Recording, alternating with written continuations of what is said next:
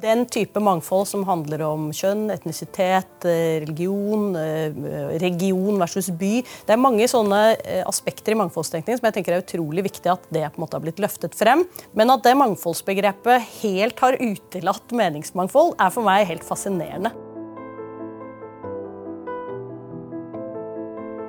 Velkommen til Toyes time. og I dag har jeg med meg Anine Kierulf, som er førsteamanuensis i offentlig rett ved Universitetet i Oslo og spesialrådgiver for Norsk institusjon for menneskerettigheter. Og I dag er vi her for å snakke om en, eh, et offentlig utvalg som du har ledet og levert rapport på akademisk ytringsfrihet. Jeg tenkte jeg ville starte med å spørre hva er akademisk ytringsfrihet? For Jeg har hørt om ytringsfrihet, men har akademikerne spesiell ytringsfrihet? Nei, i utgangspunktet ikke. Så når man snakker om akademisk ytringsfrihet, så er det fordi det er det begrepet som ligger i det mandatet som utvalget har jobbet ut fra. Men uh, utgangspunktet er at alle har ytringsfrihet. Mm -hmm. uh, så fins det noen lovfeste grenser for det. Og de lovfeste grensene mot trusler, ærkrenkelser, uh, hatflytringer, den type ting, det håndheves jo av domstolene. Den akademiske ytringsfriheten er jo bare bruk av ytringsfriheten i akademisk kontekst. Ja. Der den vanlige ytringsfriheten har tre hovedbegrunnelser, eller i hvert fall det er de som fremgår av Grunnlovens paragraf 100, nemlig sannhetssøken, demokrati og individets frie meningsdannelse. Altså To sånne mer sånn kollektive begrunnelser. Sannhetssøken. Vi er feilbarlige mennesker. Vi tror ofte vi har rett. Det viser seg at vi tar i grunnen like ofte feil. Eh, kanskje oftere, til og med. Um, og måten vi tenker at vi kan bøte på det på, det er eh, slipp flest mulig tanker og ideer ut til offentlig diskusjon gradvis klarer vi kanskje å bekjempe de dårlige og elske frem de litt bedre. En, slags sånn hegelsk hermenøytikk, altså at, at, vitenskapen beveger seg framover gjennom tese som blir møtt med antitese, som finner sammen i syntese, som igjen blir tesen, som blir utfordret av en ny antitese. Det er den tanken som ja, ligger bak. Og om det da er historiske eh, lovmessigheter, eller om det er eh, forsøk på å Eh, plukke fra hverandre andres argumenter eller falsifisere hypoteser som fremsettes, eller hvordan man gjør dette her. Det kan jo skje på mange forskjellige måter, men tanken er at den eneste muligheten vår for å komme nærmere sannheten, den er gjennom den type meningsbrytning. Mm. Det er ikke gitt at vi gjennom den meningsbrytningen, og jo friere den er, jo bedre, at det umiddelbart fører oss til sannheten. Vi kommer jo inn på masse feilspor hele tiden. Det er jo verdenshistorien full av.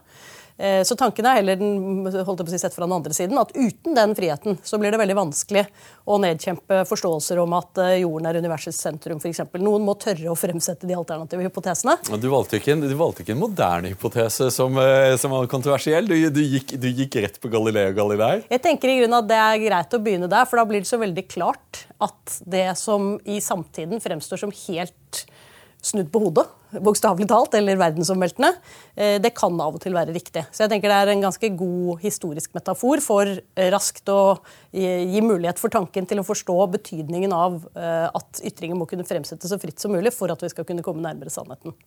Men hvorfor trengte vi en kommisjon om akademisk ytringsfrihet akkurat nå i 2021, da den ble satt ned? Ja, Det som var begrunnelsen da den ble satt ned, eh, det var jo eh, daværende forsknings- og høyere utdanningsminister Henrik Asheim som, eh, som betonte dette med måten den offentlige debatten møter ytringer på.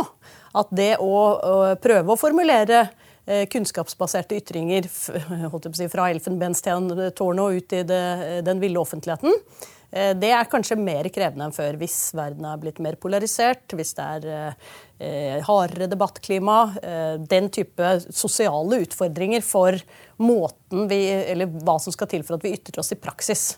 Det var for så vidt ikke noe han fant på på egen hånd. Det lå i noe som heter Aune-utvalget, som har utredet hele universitets- og høyskoleloven.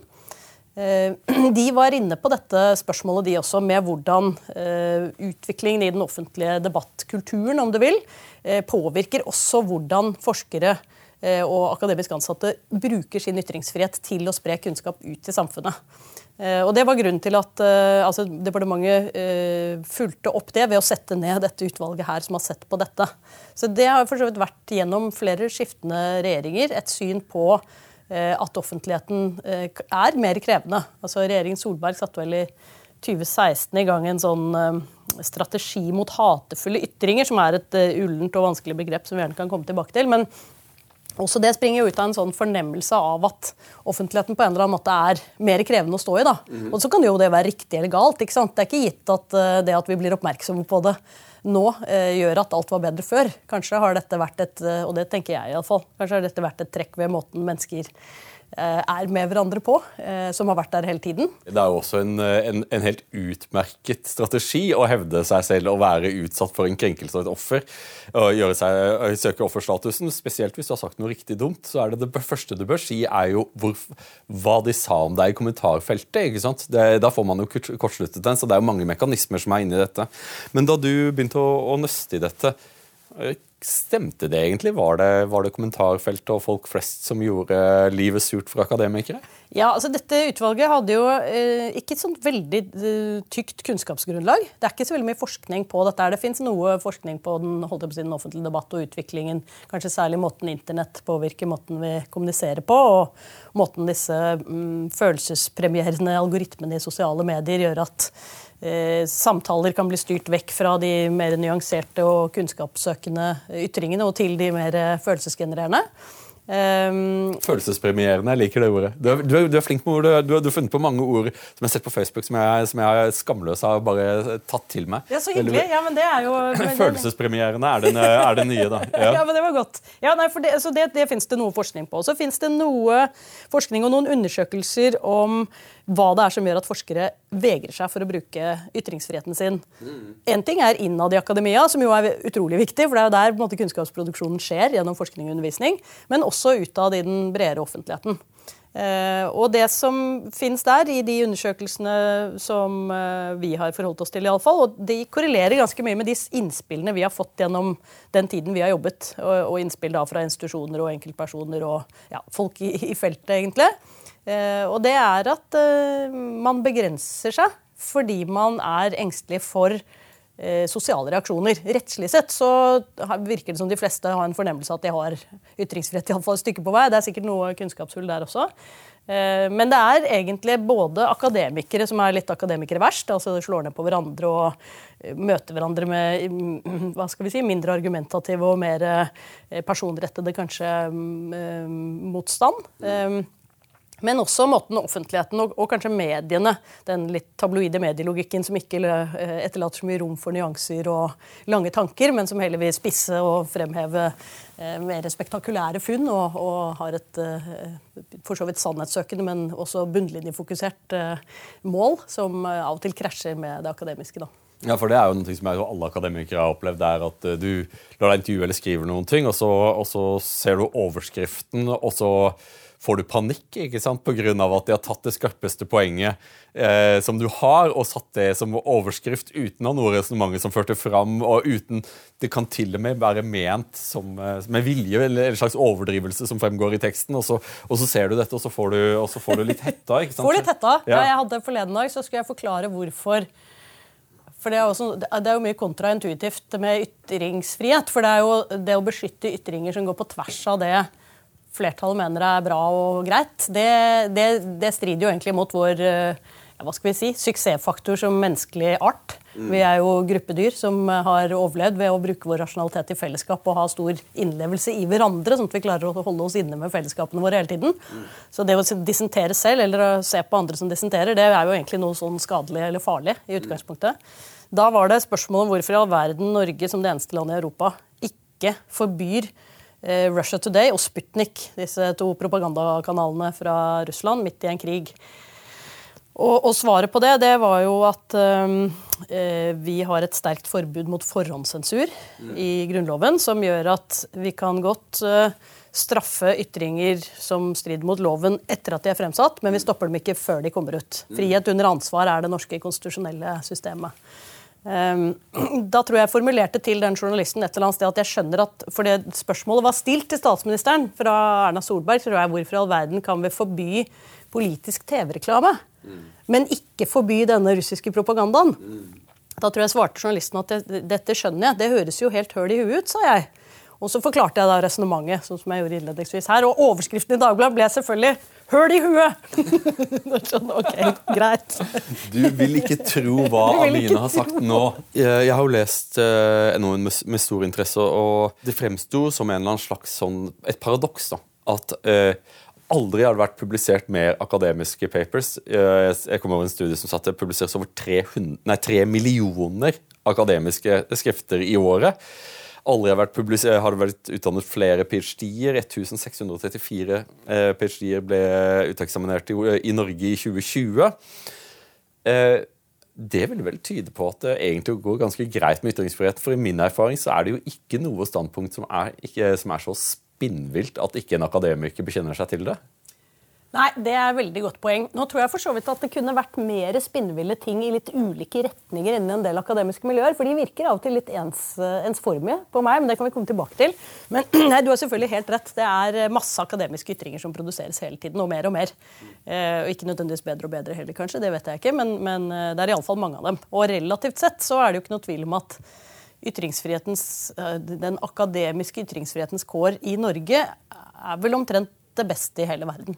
Vi har rettslig sett en veldig sterk beskyttelse. Vi har en masse ting som tilsier altså vi har, Nå er det selvfølgelig mm, dumt å bruke tid på å søke eksterne midler, og det er mye man eh, kan okke seg over som eh, vitenskapelig ansatt. men også de finansielle rammebetingelsene for forskning i Norge er veldig gode. Mm. relativt sett. Så alt tilsier egentlig at vi har mer enn nok ytringsfrihet, kan du si. Mm. Det du viser til, er jo um, en måte å bruke den akademiske ytringsfriheten på som egentlig hører til ett av tre akademiske arbeidsoppdrag, mm. nemlig forskningen. Mm. I tillegg så skal vi drive med undervisning og formidling. Um, og det er vel særlig den formidlingsdelen, altså det, det, det tredje oppdraget, eh, som eh, det ligger til grunn i mandatet og for så vidt tidligere undersøkelser og ja, hva skal vi si, strategier, utfordringer på universiteter og høyskoler, at man er bekymret for om det formidlingsoppdraget tas tilstrekkelig på alvor. Så det er egentlig på den siden at man sånn som jeg leser mandatet i alle fall, har vært bekymret for om den ytringsfriheten man har, og de gode kårene man har for å drive med den, egentlig eh, omsettes til god kunnskapsutbredelse i praksis. Ja, for, eh, Hva fant du ut da, da du begynte å nøste i dette? Fordi mitt inntrykk er at det er veldig veldig mange akademikere som svært sjelden bidrar til ordskiftet på noen som helst måte. Og så er det enkelte akademikere som bidrar veldig mye. Er det, er det, er, stemmer det bildet i det, hele tatt? Det, det, tror jeg stemmer. Nå har vi ikke noe sånn helt sikre tall på dette her, og noen har vært veldig kritiske til noen av de tallene vi har øh, forholdt oss til i den rapporten. men Alt jeg har lest av eh, undersøkelser med sånn adhocpregede ting, forsøk på kartlegging innad på bl.a. på Universitetet i Oslo og andre steder også, det underbygger den tendensen du skisserer der. Det fins mange start med det det mange som driver med god formidling. Og det er veldig fint. Ehm, men det forskere bruker minst tid på av de tre arbeidsforpliktelsene, det er helt klart formidling. Eh, det er en rekke forskere som aldri formidler. Og det er noen veldig få forskere som står for nesten halvparten av den formidlingen som skjer. Mm. Sånn at det, det, betyr jo at det, det er en del eh, presumptivt veldig flinke kunnskapsforvaltere som sitter på skattebetalernes penger eh, og bruker den kunnskapen forhåpentligvis veldig godt i forskningen og undervisningen sin, men ikke i formidling. Det gjør at vi går glipp av de innsiktene de har. Jeg kunne ikke være mer enig, men det er jo en jeg husker Da jeg var, da jeg var student, så snakket jeg med en professor jeg studerte historie. Og så, og så sier jeg at i, nå har du jo liksom holdt denne fantastiske forelesningen om, eh, om dansketiden og om, om hvordan eh, det, det, norske rettspleie og økonomi fortsatte mer eller mindre som før, til tross for at det lå under Danmark. Men det vet jo ingen i Norge. For i alle i Norge, Norge så vet at 400-årsnatten ja. sov under apekatten. ikke sant? Eh, hvorfor eh, skriver du ikke om dette i, i Nordlys? Og så, da, da, det mente han at eh, det var han knekkende likegyldig hva det norske folk måtte mene om historien.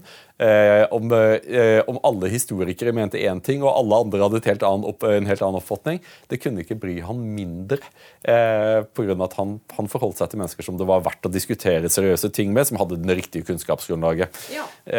Og det, jeg syns at det var så underlig da. Jeg syns fremdeles at det er underlig. For det, er jo, er det, er, det, burde jo være sånn at Hei, folkens, jeg har oppdaget noen ting. Vil dere høre, liksom? Ja, eh, jeg tenker jo det. Eh, der er man sikkert forskjellige, men eh, nå er det jo vanlige folks tur. Så nå må man, må man jo i hvert fall endre det synet der, og ikke bare snakke til elitene lenger. I NOU-en har dere et sånn der litt utrivelig stikk til der dere skriver om, om populisme og folk flest. Det som jo er FrPs slagord som liksom blitt veldig negativt malt. Hvorfor brukte dere folk flest og ikke vanlige oh. folk? Nei, Det vet jeg ikke helt eh, om har vært og er dette, de, er, er dette de samme menneskene som er vanlige folk, og som er folk flest? Det siste vet jeg ikke svaret på. Mitt inntrykk er at de glir litt over i hverandre, men at det er ulike partier som bruker dem til ulike ting. Mm. Jeg har i grunnen alltid vært opptatt av den gruppen som, eh, som jeg kan egentlig kalle begge de to tingene. Folk flest eller vanlige folk.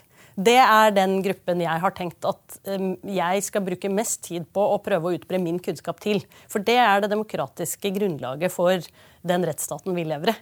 Så jeg har i grunnen tenkt at det har vært fint at den har så mye kunnskap som mulig, sånn at den kan gjøre de valgene det, det, den har lyst til å gjøre, på et så godt informert grunnlag som mulig. Og Det er et helt annet utgangspunkt enn den historieprofessoren du skisserte.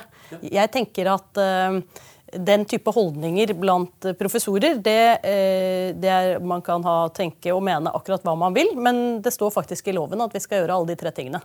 Så du kan ikke avgrense mot en del av arbeidsoppdraget ditt fordi du har politi et politisk syn eller et syn på demokratiet som avviker fra det som er grunnlaget for uh, måten demokratiet fungerer på i Norge. Det står i Grunnlovens paragraf 100 at det påligger statens myndigheter å legge til rette for en åpen og opplyst offentlig samtale.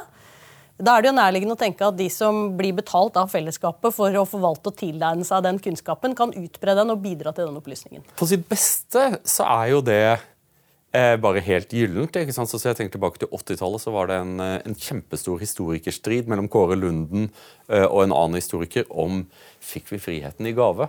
Og de ender opp i en, en kronikkutveksling i Dagbladet ja. som ender opp med en diskusjon om hvor lang tid det tar å ri mellom to ulike danske slottsgårder, eller kongsgårder, pga. at visste den danske kongen da han skrev under på dette dokumentet det som, det som de hadde fått Kunne han ha visst det, liksom? Ja, det tok så Ja, ja, ja, det er fint. Eh, Fikk vi friheten i gave, eller tok vi den selv? Og det var utrolig interessant. Og jeg, jeg, tror når du blir informert, så blir du jo ofte mer nyansert. Eh, altså at uh, ja, eh, du kanskje faller ned på den, andre, på den, ene siden, men vil være åpen for at den andre siden har rett pga. at nå vet du hvordan de argumenterer. Og Det er jo sånn ordskiftet burde fungere. for det, det, I et demokrati, er, i et diktatur så er det en luksus, på sett og vis, men i et demokrati så anser jeg det for å være det ordskiftet, det opplyste ordskiftet er, er, vår, eh, det er vår, vår superpower. Det er det, det er det, som skiller oss fra de andre. Det er det som gjør oss mulig til å ta et oppgjør med ting som ikke funker, eller, ting som, eller juble over ting som faktisk funker. liksom få vite hvor, hvor, folk står i forhold til spørsmålet. da. Jeg tenker jo Det er det som er demokrati. altså du kan Proseduralt demokrati, at du putter den stemmen i den urnen hvert fjerde eller andre år, det er selvfølgelig utrolig viktig, det òg. Men, men, det er jo den diskusjonen som hele tiden pågår, den, det ordskiftet, som gjør at vi hele tiden får mm, utdypet vår, eh, vårt inntrykk av virkeligheten rundt oss. Og som gjør oss i stand til å reagere på den, eh, på den måten vi mener er riktig. Eh, så jeg mener det der er, det er, at det er det som er demokratiet. Mm. Men hva med, hva med, det problemet som uh, Psychology Today var vel i 2016 så kom det ut en, en, en, veldig interessant studie som viste at mennesker som anser seg å besitte overlegen innsikt, altså akademikere, eh, har, har, en mye høyere evne til å overvurdere sin faktiske ja. kunnskap om en rekke politiske temaer, var, var, det de hadde funnet. Det er interessant. Hvordan, for Dere skriver litt om det å bruke institusjonstilknytning. Eh, og i min erfaring liksom Du har ulike akademiske strider. Jeg kan egentlig historie og samfunnsvitenskap best. og den, den, ene er den reelle uenighet, eh, som kan bli veldig bitter. Eh, fordi jeg mener at du har misforstått. Du har, du har, du har ikke lest Nei. Du har ikke lest Og du har i hvert fall ikke forstått ja, dem. Og du kommer farlig nær å misbruke kildene når du sier. ikke ja. sant? Eh, det, det, er, det er en fair greie som kan skape veldig mye vondt blod eh, over lang tid. Også, også, men så har du også den med at uh, Trude skrev dette. Hun skrev dette med liksom Institutt for samfunnsvitenskap, ja. Universitetet i Grotjosnes. Og hva skal, tenke, hva skal, vi tenke om dem etter det? Ja, ikke sant? Her, hun, gir, hun, taler jo på våre vegne, og ja. jeg er ikke enig. Hvis vi bare deler det der spørsmålet ditt i to for det, det, første du sa om den eh, Psychology Today, eh, det synes jeg er veldig interessant. Nemlig at vi, jo mer du kan om et felt, jo mer er, overvurderer du din egen evne til å vurdere ting i det feltet. Ja, for du, du generaliserer kunnskap, og det funker ikke. Det er, det er, fakta er at Enhver person er ekspert om det de kan best, men den ideen om generalisert ekspertise som kommer ut av vekttall, det viser seg ikke helt å stemme. Blir, jeg blir ikke en ekspert på makroøkonomi av å ha studert eh, statsvitenskap. Jeg kan kanskje litt om det, men jeg blir ikke men en ekspert på den, det. Bare så jeg skjønner, Viste den at man overvurderer sine eh, evner til å vurdere ting helt generelt? Når man uttaler seg på tilstøtende felt, så er evnen til å, å feilvurdere sin egen, sin egen kunnskap høyere blant mennesker som, eh, med mange vekttall. Ja, Som sikkert kan være fordi du er vant til å ha rett til ting. eller et eller annet sånt fenomen, det kan ikke jeg, men en av, um, hvis vi bare går tilbake til det med hvorfor skal vi dele kunnskapen vår ut i offentligheten. Mm. Uh, jo, Det kan jo være den der enveisvarianten. Vi skrider ut av dette elfenbenstårnet og går ned og i vår godhet deler av vår kunnskap til massene der nede. Jeg har i grunn tenkt at det er vel så viktig at vi interagerer med det folk flest, vanlige folk, alt hva de nå heter, fordi de vil ha ganske viktige korrektiver til oss. Bl.a. på vår, evne, vår, evne, vår eh, tendens til å overvurdere vår vurderingsevne. Straks vi må konfronteres med de som stiller de spørsmålene som kanskje er mer banale enn det de fagfellene gjør, så må vi gå et par steg tilbake, og da var kanskje allerede der vi skar feil. liksom. Så jeg tenker at Den interaksjonen er ganske viktig, og det er en side ved formidlingsforpliktelsen til akademikere som ikke er så ofte diskutert. For den går veldig ofte ut på at vi skal bidra til opplysning av dem. Jeg tenker at deres opplysning til oss er en, er en helt sentral beveggrunn for hvorfor uh, formidling er viktig. og uh, som også har en føring for hva formidlingsbegrepet egentlig skal bety. Uh, ikke bare at du skriver en kronikk basert på funnene du gjorde i en forskningsartikkel i fjor, som kan være viktig, men også at du deltar i diskusjoner med offentligheten. For det er først når du driver med det siste, at du kan få de motforestillingene som du kanskje ellers ikke ville tatt stilling til. Vi er jo en gruppe mennesker med berømmelig skjøre egoer. da. Det, altså, det, er jo ikke noe hyggelig å, å lese at professor så og så er en dust. Nei, det er ikke eh, noe og, det, og det er noe som jeg tror mange akademikere syns er skikkelig skikkelig vondt. Det jeg tror Dels at det kommer av skjøre egoer, dels av at, eh, at, man får nok kanskje et litt inflatert selvbilde av For vi, vi jobber jo i hierarkier der titler og hjørnekontorer og stipender og, og alt, alt, dette betyr noe. Folk setter det på CV-en sin, og de forventer at jeg, jeg leste ikke opp alle dine meritter. De er, Nei, det var fint. Det, men, men, det er jo noe som Det er jo ikke mange yrker man tar opp Man hedrer hverandre på den måten man introduserer hverandre. Det, leger gjør jo ikke det, liksom. Det er, det er jo doktor Larsen. Det er jo ikke det at Som studerte medisin og fikk tredjeplass Nei, jeg syns det der er en uting. Og, og, men det er jo riktig som du sier, at vi, har, eh, vi kan ha store egoer. Av og til så kan det jo være holdt si, mer tilforlatelige forklaringer på at vi lar oss veldig opprøre av uh, motstand også. Det kan være at vi har forsket veldig spisst på et eller annet felt. Mm. Og ser veldig mange nyanser i det feltet, som når noen andre snakker om det på en unyansert måte, så gjør det fysisk vondt. Altså At man kan bli ordentlig berørt av det. Um, men den delen som går på store egoer og det å, å trene på å tåle motstand i offentligheten, det tenker jeg er uh, det er en tid vi må bort fra. Vi kan ikke holde på sånn. Vi kan ikke sitte og være finansiert å, til å drive med det vi gjør, være så privilegerte i den situasjonen og eh, ha et sånt selvbilde. Det, det blir det verken god kollegialitet av innad på institusjonene eller god interaksjon med samfunnet Det er jo et psykologisk aspekt ved dette. Eh, eh, du og jeg har jo hatt overlappende erfaringer. Du var, var det universitetet i Chicago du var? Ja. Og jeg var ved Columbia-universitetet. Ja. Eh, begge veldig ledende innenfor våre respektive fagfelt. og vi hadde, eh, Jeg har hørt en tale med deg, så jeg bare gjenforteller. Liksom, for du, du, sa noe som jeg, jeg også har liksom ble slått av, var at ved Columbia-universitetet så var alle de, de, var alle de sentrale disiplinene i statsvitenskap representert av enere. Det var marxister, det var liberalere, ja. det var realister, eh, og det var konstruktivister.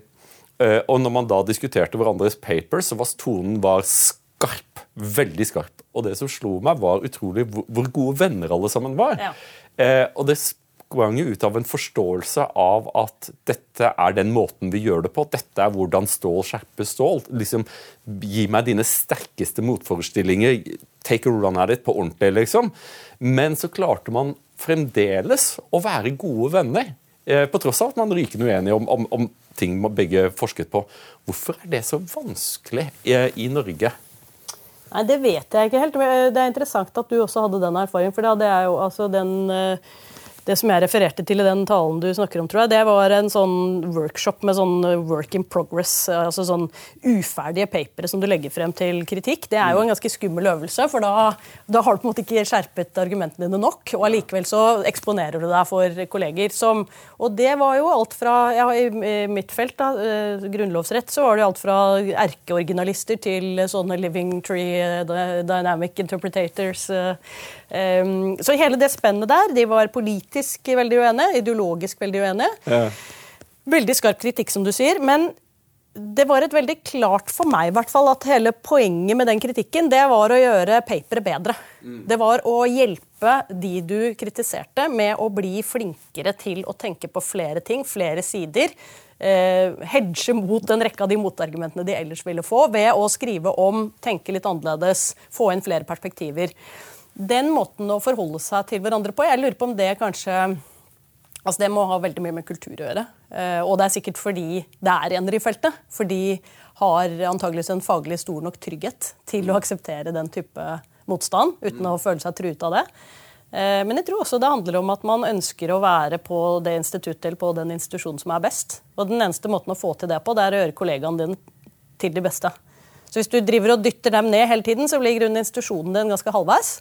Mens hvis du hele tiden løfter dem frem og sørger for at du bare omgår deg med andre enere, så blir det et morsommere sted å være, og, og et sted hvor alle andre har lyst til å komme også. I, i rapporten NOU-en om akademisk ytringsfrihet, eh, hvordan, eh, hva slags råd gir dere for å skape et, et slikt rom? da? For det er jo krevende.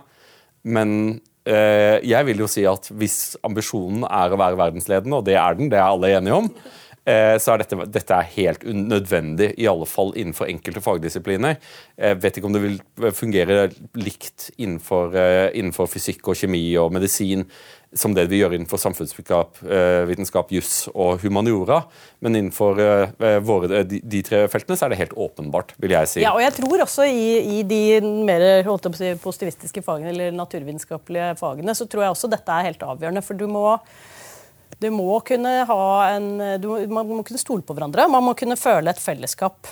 Eh, selv om man eh, er kritiske til hverandre. Eh, altså, psykologisk så blir vi veldig berørt av kritikk. ikke sant? Det er skummelt. Mm.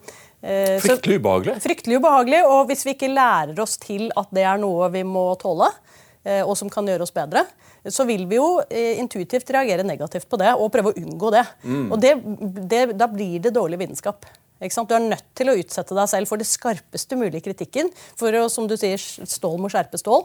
For å få frem uh, den, den, skarpeste eggen. Da. Mm. Uh, men dette er jo en, en, en type resonnement som forutsetter påkobling av system 2. ikke sant? For den reptilhjernen den vil hele tiden beskytte seg mot alt som er ubehagelig. Ja. Mens uh, hvis du ikke har, tar deg tid til å dra de resonnementene som gjør at du forstår disse mekanismene, Eh, så tror jeg det er mindre sjanse for at du klarer å håndtere dem godt også. Så det vi har prøvd å gjøre i den rapporten, det er vel egentlig å skissere noen av disse fenomenene. Og øhm, gjøre det mulig å overkomme dem. Uh, ved å prøve å fokusere på å diskutere sak og ikke alltid person, f.eks. Uh, uh, tenke igjennom hvorfor vi har ytringsfrihet, hvorfor den er viktig, og hvorfor den, det er avgjørende at vi forstår betydningen av ytringer som går på tvers, selv om de er dønn ubehagelige. Mm.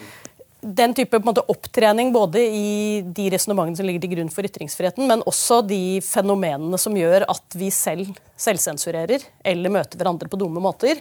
Eh, uten å ha gått den runden der, så kommer du i hvert fall ikke i mål. Og så kommer du ikke i mål bare fordi du vet disse tingene her. Mm. Men du kan i hvert fall gjøre det litt vanskeligere å ramle rett i de fellene. Litt lettere å tenke her er det i grunnen noen miljøutfordringer, mer sånn kulturutfordringer, som som ikke kommer til å gå over fordi om noen endrer en lov eller endrer noen finansieringssystemer. Dette er et ansvar vi må ta selv mm. for å gjøre hverandre bedre. Mm. Jeg, jeg, jeg, tenker jo også at det har noe å gjøre med hvordan man utdanner. så som I USA så har man jo eh, eh, underviser man ofte i, i små grupper, iallfall når det kommer forbi bachelornivået. Og at eh, i disse små gruppene så blir jo ditt paper blir lagt fram og diskutert av dine studenter. Fryktelig ubehagelig. og Det, er jo work in progress ja, alltid. ikke sant? Kjempeskummelt. Uh, ofte så, så er, eh, er, professoren omtrent like utrivelig som det alle de andre er, er også. Uh, vondt for, for church sin, men man blir hardere av det. Hvordan kan denne kulturen fremelskes i Norge i større grad enn det vi ser i dag? Ja, Det er jo et stort spørsmål som jeg ikke tror vi har svart på verken der eller det er lett å svare på. Men jeg, jeg tror veldig på det du sier, at uh, Universitetsmiljøet er, eh, det er på en måte en sandkasse før du kommer ut i resten av verden. Uh, og, og på samme måte som barnehagen og skolen har vært det. Uh, og hvis du ikke i de sandkassene trener på den verden du møter der ute, så blir møtet med den verden der ute enda hardere og enda vanskeligere. Så vi har en forpliktelse til å bidra til at studentene føler seg trygge nok til å la seg utsette for de utfordringene som ligger i det vitenskapelige. Og det forutsetter jo både at man um, har et uh, rimelig godt klassemiljø i de gruppene, uh, og at man ikke er uh, altfor uh, kjip og nedlatende, tror jeg, som professor. Mm. Um, men også at man trener på det ubehaget som ligger i å bli utsatt for uh, å eksponere seg selv og sine tanker på et uferdig stadium. Og skape rom for uenighet, gjerne skarp uenighet, som allikevel ikke er farlig. Ta imot de som føler seg utsatt for noe. Men understreke hele tiden at det er helt avgjørende at vi utsetter hverandre for den type kritikk. Og Hvis vi kan prøve å gjøre det på en saklig måte, som ikke er personangripende og ikke blir altfor følelsespreget, så hjelper det både den som uh, sier noe mot, og den som blir kritisert. Og Det ville jo vært en, en interessant diskusjon hvis, hvis, du og jeg skulle starte universitetet i Oslo, og det fantes ikke noe universitet. og Vi ville kunne enes om det, men det er jo ikke tabla rasa. Nå kom det nylig ut en, en, en meningsmåling som viste at Eh, blant norske humaniora samfunnsforskere så stemmer 54,3 av, eh, av samfunnsviterne og 60% av humaniora stemmer på tre partier. MDG, MDG, Rødt og SV. Altså så er det en, det er en, det er en det er en ganske stor eh, forskjell fra befolkningen. Vi har jo tall på det, vi har jo valg hvert fjerde år, så vi vet hvor resten av befolkningen er. Hvor ligger, ja, ikke sant? Når da en sånn ubalanse har oppstått allerede ved fakultetet, nå er det ikke slik at, det, at, at, man nødvendigvis kan hoppe fra det at det er en stor preferanse for å stemme for, på, på, på fløypartiet blant akademikere, at det vil føre til at det er et meningsfellesskap om, om forskningen. Det vil, være, vil, være, feil. De fleste forskere har inntrykk av forsøker etter beste evne å være uh, balanserte og nyanserte. Men jeg vet også at uh, det fine, da, uh, hvis vi drar tilbake til Colombia, er at hvis du er realist, så ser du ting så stiller du deg helt andre spørsmål enn hvis du er liberal eller, eller marxist, konfrontert med akkurat det samme eh, eh, saksmaterien. Det er derfor denne, liksom der, den der eh, team of rivals-tanken faktisk funker. ikke sant? At du har kanskje et perspektiv som er et annet enn mitt, og de kan begge to være gyldige. Det ville bare ikke falt meg inn nei, nei. å stille spørsmålet. Jeg, jeg, jeg, er helt enig. Jeg syns det er noe veldig fascinerende i det fokuset vi har hatt lenge på mangfold, som jeg mener er utrolig viktig. Ja. Eh, for det handler jo om noe av det samme. ikke sant? Du har, et, du, har, eh, du har, blitt utsatt for en ulik verden eh, når du kommer fra ulike posisjoner. Kanskje du har ulike hudfarger. Du har, altså, den type mangfold som handler om kjønn, etnisitet, religion, region versus by. Det er mange sånne aspekter i mangfoldstenkningen som jeg tenker er utrolig viktig at det på en måte har blitt løftet frem. Betydningen av at vi skjønner at det at vi kommer fra ulike steder og med ulike forutsetninger eller ulike forventninger, påvirker hvordan vi samhandler også. Men at det mangfoldsbegrepet helt har utelatt meningsmangfold, er for meg helt fascinerende. At ikke det iallfall er en selvfølgelig del av en større helhet som handler om mangfold. Det syns jeg er helt spesielt. Og jeg tror som deg at uh, de fleste forskere søker å gjøre så godt de kan ved å holde sine egne personlige preferanser utenfor sin vitenskapelighet. Altså, noe annet skulle bare mangle.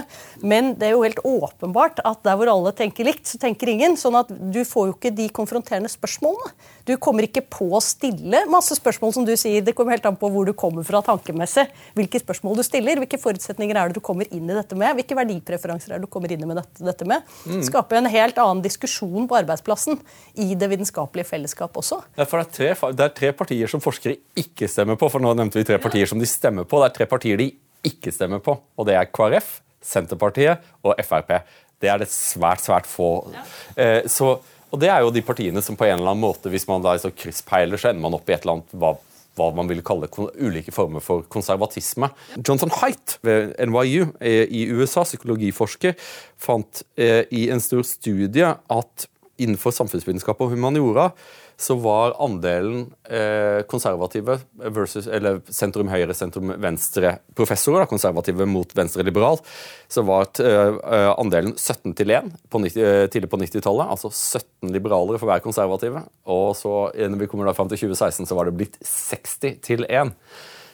I 2011 så kom Eidsvåg-utvalget, eh, som skrev, skulle skrive om antisemittisme i Norge. Og de uh, fant da en svært urovekkende oppblomstring av antisemittisme i Norge. Men de fikk seg ikke til å si hvem er det som står for denne antisemittismen. Det var naturligvis knyttet til muslimsk innvandring. Tror du at uh, akademisk ytringsfrihet NOU kan kritiseres for at ikke dere setter uh, bjella på, på, katten i forhold til hvem er det som diskrimineres? Ja. Um Da tenker du på hvem som diskrimineres i akademia? Altså Ja, at man ikke Ja, men, men det er vel ikke gitt at man diskrimineres, for da, eh, da trekker du den konklusjonen at grunnen til at disse miljøene er så politisk homogene, er at man ikke får eh, ansettelse fordi man har et annet politisk syn. Det er jo ikke gitt. Det er ikke gitt. Nå er det jo en, en mye sitert studie. Det finnes egentlig bare én studie på dette som jeg har eh, som metodologisk eh, og, og er stor nok til at jeg gidder å sitere den.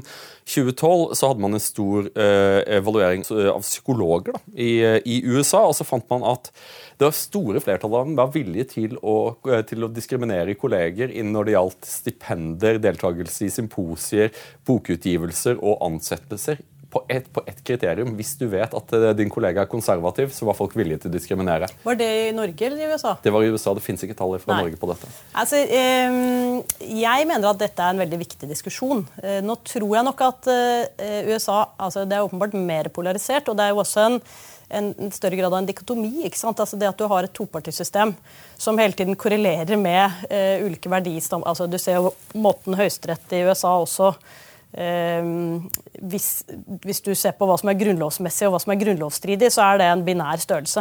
Den vil alltid korrespondere med ett av to politiske synspunkter som fins. Sånn at du har, det er ganske mange drivere for å løfte den polariseringen til helt andre høyder enn det vi har her. Men jeg mener at det er en veldig viktig diskusjon å ha. og det, jeg, tror ikke, eh, jeg tror ikke vi jeg, føler meg ikke egentlig skyldig å ikke ha adressert problemstillingen homogenitet i enkelte deler av akademia i, i rapporten, men, men eh, jeg, og men det vi ikke har noen løsning på, det er jo hvordan vi gjør noe med det. Altså Det vi kan si, er jo at når man tenker mangfold, så må man tenke meningsmangfold også. Eh, Men du kan jo ikke stille spørsmål om politiske preferanser i en, ansettelsessituasjon, f.eks. Det, eh, er jo, det er jo forbudt av gode grunner. Jeg, jeg mener at det finnes en enkel løsning på det. Ja. At Hvis man da oppmuntrer fakulteter til å søke å ha de sentrale forskningstradisjonene innenfor sitt eget fagfelt representert ved fakultetet, så vil det vanligvis være én fagtradisjon som er assosiert med, med en eh, konservativ, vanligvis en liberal, en rød, sosialistisk, og en postmoderne. Det er vanligvis eh, de fleste innenfor humaniora Ja, det er mulig det stemmer i statsvitenskapen et stykke på vei. Jeg tror ikke du ville finne den samme type inndelinger i, i alle fag. Sannsynligvis ikke. Så der har du nok en utfordring på det feltet der. Mm, så jeg er ikke sikker på hvor lett det ville være å løse, men det vi har gjort, er å anbefale at mangfoldsperspektivet også ser på meningsmangfold. Og vi også oppfor, altså vi, det er jo ulike måter å prøve å nudge eh, systemer i riktig retning. Det er ikke så mye man kan styre ovenfra i dette feltet fordi den akademiske frihet også har en institusjonell side. Du skal ikke ha politisk overstyring av institusjonene. Eh, Men det man kan gjøre, er jo å gi dem noe råd. ikke sant? Hvordan kan dere få opp bevisstheten om disse spørsmålene? Og et sånt virkemiddel vi har foreslått for å få opp den bevisstheten, er å lage en, en slags sånn plakat. Eh, Prinsipperklæring om ytringsfrihet. og Den er jo løselig basert på Chicago-prinsippene. eh, Som i seg selv er en rød klut for noen, har jeg forstått i ettertid. Eh, men også fra det, Cambridge og Princeton. Eller, vi har sett på noen sånne og Poenget er ikke egentlig at det er så viktig å vedta en sånn plakat, for den har jo ikke vært mer enn det papiret den står på. Eh, Men poenget er i grunnen å prøve å få opp bevisstheten på enhetene om hva ytringsfrihet er, og hvorfor meningsmangfold er avgjørende.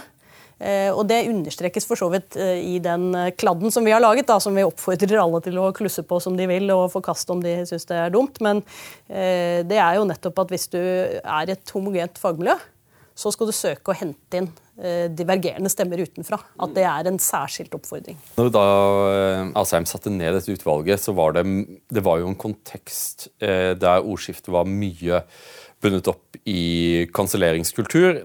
Nesten alle eksempler hentet fra enten Storbritannia eller USA. og jeg, tror at vi kan være enige om at Storbritannia og USA er på sin egen reise, på sett og vis. Eh, og det er mange land, eh, Frankrike, Tyskland, som, som, som, som setter ned utvalg på samme måte som ditt Kanskje et forsøk på å komme i forkant av dette. At man ser med skrekk og vantro. Eh, hva tenker du omkring kanselleringskultur? Er det noe som, etter din oppfatning, at eh, er eh, et stort problem, eller er det et marginalt problem som har bare blitt blåst opp av sosiale medier pga. at det har så sterk hva, var- hva var uttrykket ditt? Eh. Følelsespremierende. Ja, Det, ja. det, er- det er følelsespremierende? Ja, jeg holdt på å si ja takk, begge deler, tror jeg egentlig. Det slår meg at bare det å, å diskutere kanselleringskulturer liksom er polariserende og politisert i seg selv, det syns jeg er ganske nedslående. Man må kunne diskutere denne type fenomener uten å ramle i en, eller havne i en eller annen merkelapp. Men eh, med kanselleringskultur så forstår iallfall jeg forsøk på å møte ytringer man er uenig med, ikke med motytringer og motargumenter, men med forsøk på å kneble eller bli kvitt den stemmen. Om du ringer til arbeidsgiveren til folk, om du mobiliserer til kampanjer i sosiale medier, om du driter ut folk. altså Det fenomenet der, det fins. Det er jo åpenbart. Det er jo bare å være i sosiale medier, så ser du at det fins. Eh, og så er det spørsmålet hvor stort det problemet er. Um, det er jo ikke så lett å måle, men det som fins av studier på si, den, Det er jo en um, antagelse om at det blir så mye mer hat og hets i sosiale medier. At alt er blitt så mye verre enn før. Mm. Det som fins av studier på det, det er at det blir ikke så mye mer hat og hets i sosiale medier, men det er stadig flere som får inntrykk av at det er mer hat og hets i sosiale medier. Ja, ja. Og Det er tilbake til algoritmeproblemet igjen. At, men Det er jo i seg selv uheldig, for hvis man får det inntrykket, så vil man jo holde seg tilbake og la være å delta i det ordskiftet. Ja. Eh, så jeg tenker at det er en betydelig utfordring. Og det å diskutere disse fenomenene tror jeg er den eneste motgiften mot at det får bre om seg. Så Sånn sett tror jeg det er noe positivt i, i denne type utvalg og det, det, de diskusjonene det foranlediger. Mm. Um, hvem var det? Eh, ja, din gamle utvalgskollega leder eh, Grete Brochmann ja. Eh, har jo vært i migrasjonsfeltet i lang tid. Ja. Og det er jo betent, ikke sant? Forskningsmessig også. Og det, var, det, det, det, verste selvfølgelig i den litt venstreorienterte delen av verden som en del av de forskerne der befinner seg det er å bli beskyldt for å løpe høyresidens ærend. Ja, som jo er veldig morsomt. Det vil jo ikke noe rimelig menneske oppleve å løpe høyresidens ærend. Nei, men, jeg, det, men, men hun, det som jeg syns var interessant, for det hun sa, det var at hun har i grunnen opplevd dette som om du vil kalle det kanselleringskultur eller urimelig motbør eller dårlig ytringskultur fra kolleger som dytter deg ned med usaklige argumenter, eller hva du vil kalle det. Det har hun opplevd hele veien. Mm. Men hennes vurdering er at eh, det fenomenet er mindre farlig i dag fordi det kommer fortere til overflaten, og det blir fortere diskutert. Mm. Og det er jo liksom tilbake til det vi startet med. Hvordan den offentlige, vedvarende offentlige og demokratiske samtalen er den beste motgiften vi har mot denne type autoritære virkemidler. Hun er jo nesten guddommelig i det at hun liksom klarer å ta både rimelig og urimelig eh, kritikk med, med stor ro. Ikke knusende ro, men med stor ro. Og så argumentere sindig. Og samtidig er hun veldig tydelig og klar. Og, og, og, roter ikke med konklusjonene i frykt for at å, nå blir det bråk. jeg må sette et et par forbehold her. ikke sant? Men liksom, hvis, hvis, hvis, hun mener at ikke forbeholdet er påkrevd, så, så, skriver hun det sånn så, slik, og så står hun for det. Eh, og jeg tror ikke at det har på noen måte skadet hennes karriere, men det er jo den biten av akademia er at det er jo så altfor mange akademikere. Så noe av faren må vel også ligge i det det de kaller antisipert reaksjon. Altså at du ytrer deg ikke fordi at du vet at på et eller annet tidspunkt så skal du forsøke å søke på en førsteamanuensisstilling, og du vet at det er i hvert fall sju andre på fakultetet som vil ha den også, og at dette kan bli et problem, for hvem er det som sitter på den komiteen? Eh, og det, at man da sensurerer seg selv egentlig uten noe kommentarfelt eller noen kjipe kolleger. Hvordan kommer man rundt den biten? Nei, Den er vanskelig, og det er jo en av de Altså, noen, vi har snakket en del om de kulturelle utfordringene for ytringsfriheten, eh, som, som, er jo foranledning for rapporten. Men det er jo selvfølgelig en del strukturelle utfordringer for ytringsfriheten også. Bl.a. midlertidighet i akademia, som det er veldig mye av. Eh, og hvor akkurat det posisjoneringsproblemet selvfølgelig er. Og det resulterer jo i at istedenfor å være modige, integritetsfylte, dissenterende stemmer som eh, midlertidig ansatte, mm. så følger man Jens Bjørneboes tilbud til en ung mann som vil opp og frem i verden, og sniker seg frem på slu og måter som som eh, passer med det som gjelder, og sånn at man får jobb der man skal etterpå. Jeg tror ikke egentlig at faren er like stor overalt for at du ikke får jobb hvis du ytrer deg fritt. Eh, det er sikkert eksempler på det også. Ehm, eh, men jeg tror nok den, hva du kalte det, antisipert reaksjon, altså at den av og til kan være overdrevet. Du, du, eh, du, har såpass stor tro på at du kan komme til å møte de konsekvensene at du holder tilbake ytringer du antageligvis kunne ha fremsatt likevel. Så jeg tror nok vi må tørre å ha et større ytringsmot, rett og slett. Eh, og at vi må trene. Det er jo en av grunnene til at vi har en av lovendringene vi foreslår, det er jo å gi opplæring i ytringsfrihet. Ikke bare til ansatte på universitetene og for så vidt midlertidig ansatte, men eh, helt fra første studieår. For det er jo de studentene, jo, Du må bygge dette opp hele veien, den forståelsen for at dette her er viktig. Fordi Ellers så blir det så lett å henfalle til de der tendensene der. Jeg ser på våre egne år i akademia, for det er jo litt med sånne ting. Det sies, jeg vet ikke om det er sant, at det er omvendt proporsjonalt hvor mange kokebøker man kjøper, og hvor mange måltider man lager. Eh, jo, det kan hende. Jeg lager alle for, måltider og har ingen kokebok. så det tror jeg. Ja, ikke sant? Altså, for du har liksom, En stund så var det tverrfaglighet, og jo mer vi snakket om tverrfaglighet, jo mindre tverrfag, reell tverrfaglighet var det. For det er jo, den, det er jo vanskelig det ville være svært vanskelig for meg. Og hvis du og jeg fant et kasus, altså så si Roe versus Wade, og jeg kommer til dette som statsviter, du kommer som, som, eh, som ekspert på eh, konstitusjonell rett, eh, det ville bli fryktelig fryktelig vanskelig eh, å finne et sted hvor vi kunne møtes. Det tror jeg ikke i det hele tatt. tror jeg kunne vært kjempefruktbart. Ja, ja, Hvorfor tenker du det? Ja, nei, jeg vet ikke det er liksom, Ofte så opererer ulike fagdisipliner med sine egne antagelser om hva som er ja, men Det er jo derfor tverrfaglighet blir dårlig. Altså hvis, du, hvis, tverrfaglighet skal fungere, så må du ha en genuin interesse for å forstå det andre fagfeltets metode og mål. Hvis ikke du har det, så blir du ikke noe god til tverrfaglighet. Nei, det, det, var noe av grunnen til at det ble så lite tverrfaglighet. Og så, skulle, så var det mangfold, og jo mer, jo mer, vi snakket om mangfold, jo mer enfoldig ble, ble universitetet. Så liksom, hva, hva er den hva er the principal bads? Hva, er det verste som kan skje dersom de følger rådet ditt? Ja, Nei, ja. Nei det vet jeg jo ikke. Altså, det er jo faren med å gi råd at det kan gå dårlig. selvfølgelig. Eller at man kan få stikk motsatt ja, effekt. Backfire-effekt, ja. ja det, det, snakker vi litt om. At det er bare å dele kunnskap. Det er ikke alltid nok. Du må interagere med de som er uenige med deg. Hvis du skal spre den kunnskapen. For ellers så bare å gi dem den, det, da blir de antageligvis mer overbevist om det de trodde fra før. Um, Nei, det er ikke noe quick fix på dette. her, og det er jo grunnen til at Undertittelen på den rapporten er at uh, god ytringskultur må bygges nedenfra hver dag. Det, uh, det forutsetter egentlig en, en, mye større forståelse for og gjennomtenkning av hvorfor ytringsfrihet er viktig på alle nivåer. tror jeg, Å komme videre i, i dette her. Jeg, eh, Bare for å ta dette med ja, nå er Det jo da hva det heter, dobbeltforblindet uh, svogerforskning. randomisert sådan. Eh, min egen erfaring var jo å komme inn på et institutt som ung stipendiat. Eh, naivt å argumentere eh, for et faglig syn som gikk på tvers av det hegemoniske. Ikke fordi jeg ønsket det, men fordi jeg ikke skjønte hva det hegemoniske synet gikk ut på. Mm. Og blir slått ned med uh, alle rimelige og urimelige midler. Uh, av alt fra uh, ja, dekaner til professorer og avisredaktører på store oppslag. Det tror jeg i grunnen bare skjerpet meg, men grunnen til at det skjerpet meg, det var jo at jeg hadde jobbet ti år som advokat først.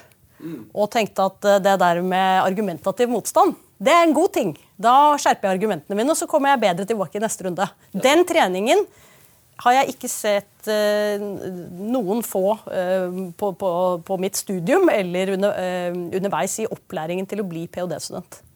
Og, og få en ph.d. Det tenker jeg mangler. Jeg er hjertens enig at, eh, at disse grusomme opplevelsene som man har som ung akademiker, der du virkelig blir tatt og fillerista, er jo noen ting som gjør deg bedre. Og det er jo sånn som Nietzsche sier, liksom, at det som ikke dreper deg, gjør deg sterkere. Ja, og det tror jeg, Men det tror jeg er riktig uh, Men det tror jeg er riktig hvis du er tilstrekkelig robust i bunn. Noen lar seg knekke av det der, og det må man på en måte ha en um, ja, Det må man ha en forståelse for. At, at vi er ulikt utrustet der.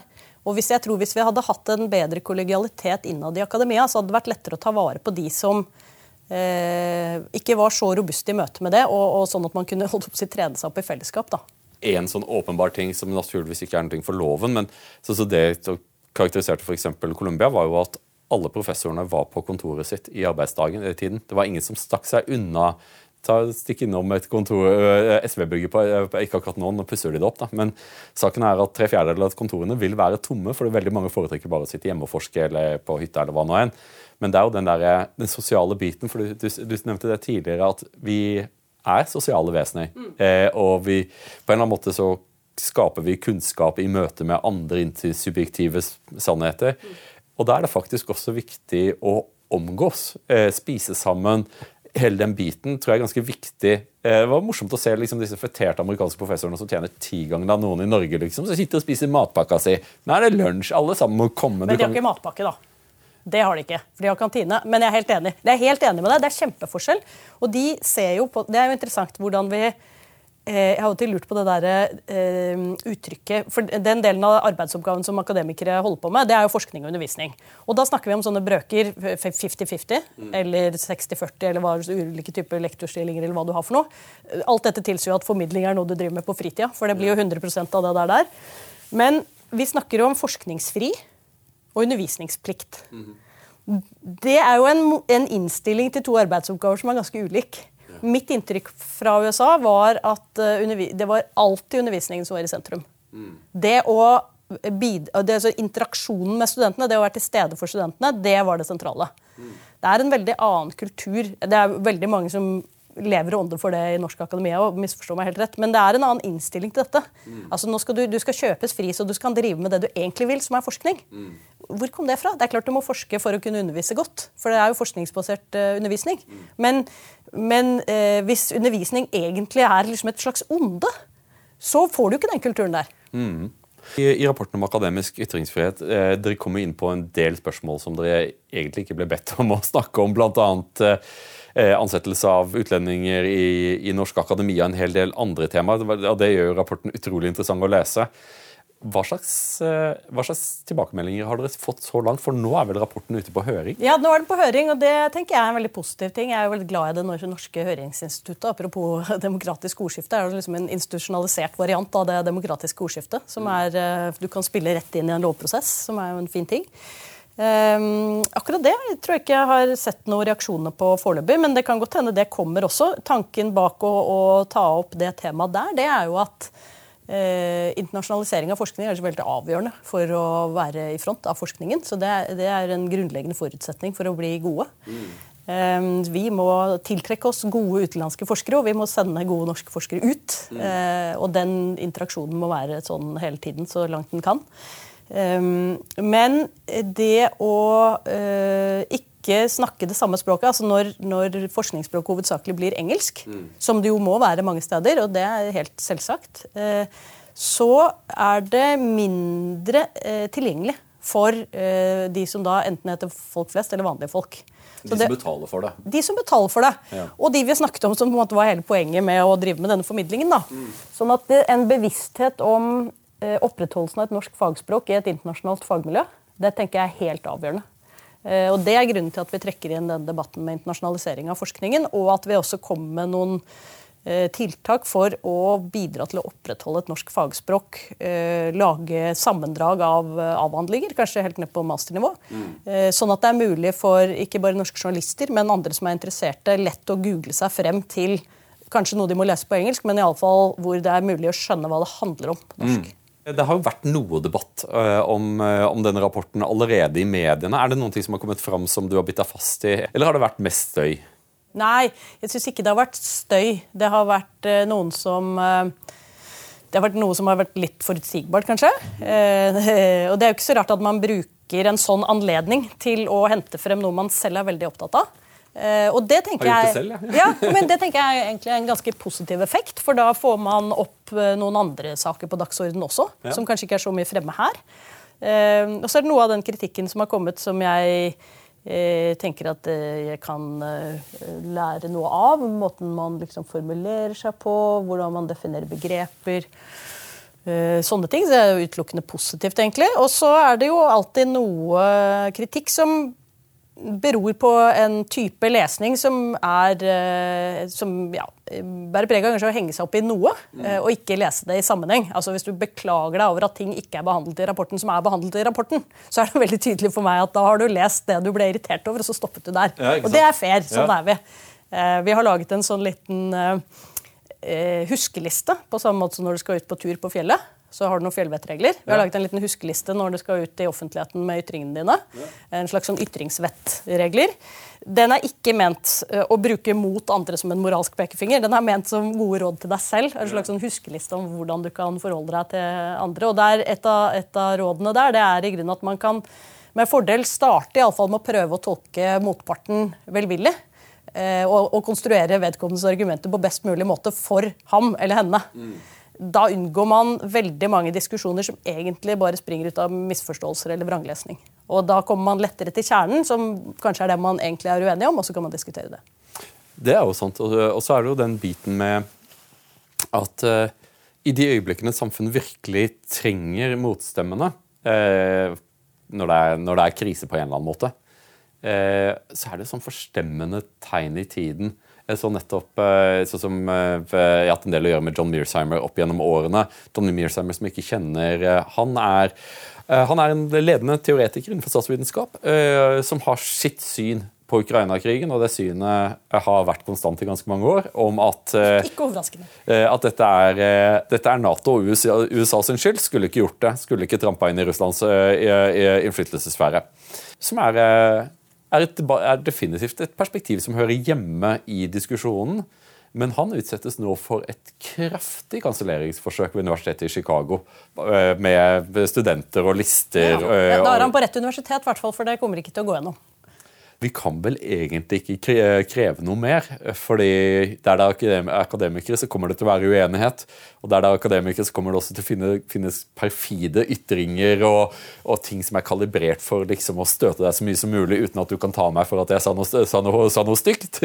Eh, og det er jo litt av the, the name of the game. Men jeg syns det er interessant det du sier da, for det, den tendensen vår til å gå i takt, den er jo ganske sterk uansett. Mm. Men den blir vesentlig sterkere når vi er under press. Mm. Om det er pandemi eller krig mm. eller krise. Eh, og jeg syns jo måten de stemmene som eh, har fremmet det synet av ulike grunner eh, i forkant av denne krigen her, måten de på en måte har blitt eh, ja, hva skal vi si, oppstilt for latterliggjøring i aviskommentarer, det, er, det synes jeg er noe av det ekleste uttrykket for den type tenkning. Hvis du har en mening som går imot uh, flertallsviljen, så er det en påregnelig konsekvens. Og så er, jeg mener jo det at, at uh, vi er nordmenn, vi vet at hvis du skal gå ut når det er kaldt, så får du kle på deg. Og det må du også gjøre mentalt når du går ut i ordskiftet. Det er veldig interessant. Det er en, jeg tror det er, nå husker jeg ikke forfatteren, men det er en artikkel som handler om offentligheten som krig. altså som en krig. Det er jo litt vanskelig å bruke den krigsmetaforen midt i denne angrepskrigen som foregår nå, syns jeg. Men, men, hvis vi bare um, for eksempelets skyld Det er veldig mange av de metaforene som har gått inn i de innspillene vi har fått.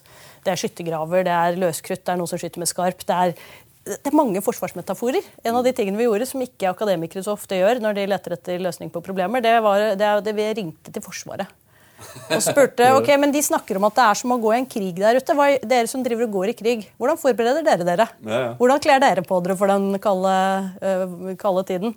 Uh, så Vi har tatt inn noen råd fra Forsvaret om hvordan man uh, skaper kollegialitet, hvordan man forbereder seg, tåletrening, hvordan man opptrer i skarpe situasjoner, og hvordan man debrifer etterpå. Ja, kjempebra. Og så må man huske å kle seg i lag.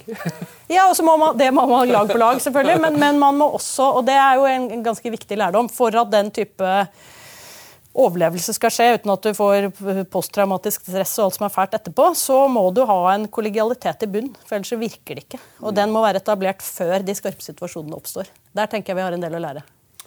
Det tror jeg du har veldig, veldig rett i. Eh, Anine Kierulf, det har vært en glede å snakke med deg. Du er et fyrverkeri som, som alltid.